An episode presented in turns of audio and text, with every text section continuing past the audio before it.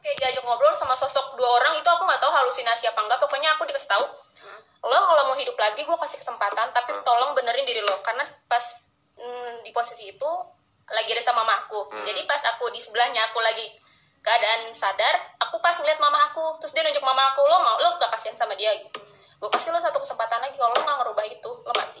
Itu apa beneran nyata atau emang halusinasi? maksudnya mungkin. lebih baik Iya. berpikir itu nyata aja Iya, kalau Ah, iya sih atau misalnya misalnya itu adalah sebuah eh, apa cuman pikiran dia halusinasi misalnya tapi itu adalah peringatan yang bagus kalau menurut aku betul Iya. ya itu sama kayak kayak ya Tuhan masih menjaga kamu gitu Iya. Iya.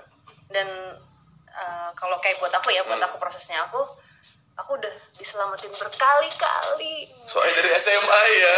Udah. iya iya iya. Lu bayangin Pak, pada saat dia di yang KDRT itu dia ditendang dipukul istilahnya kalau eh, apa ya namanya dijabarkan dengan ceritanya dia bagi seorang perempuan nggak bisa selamat.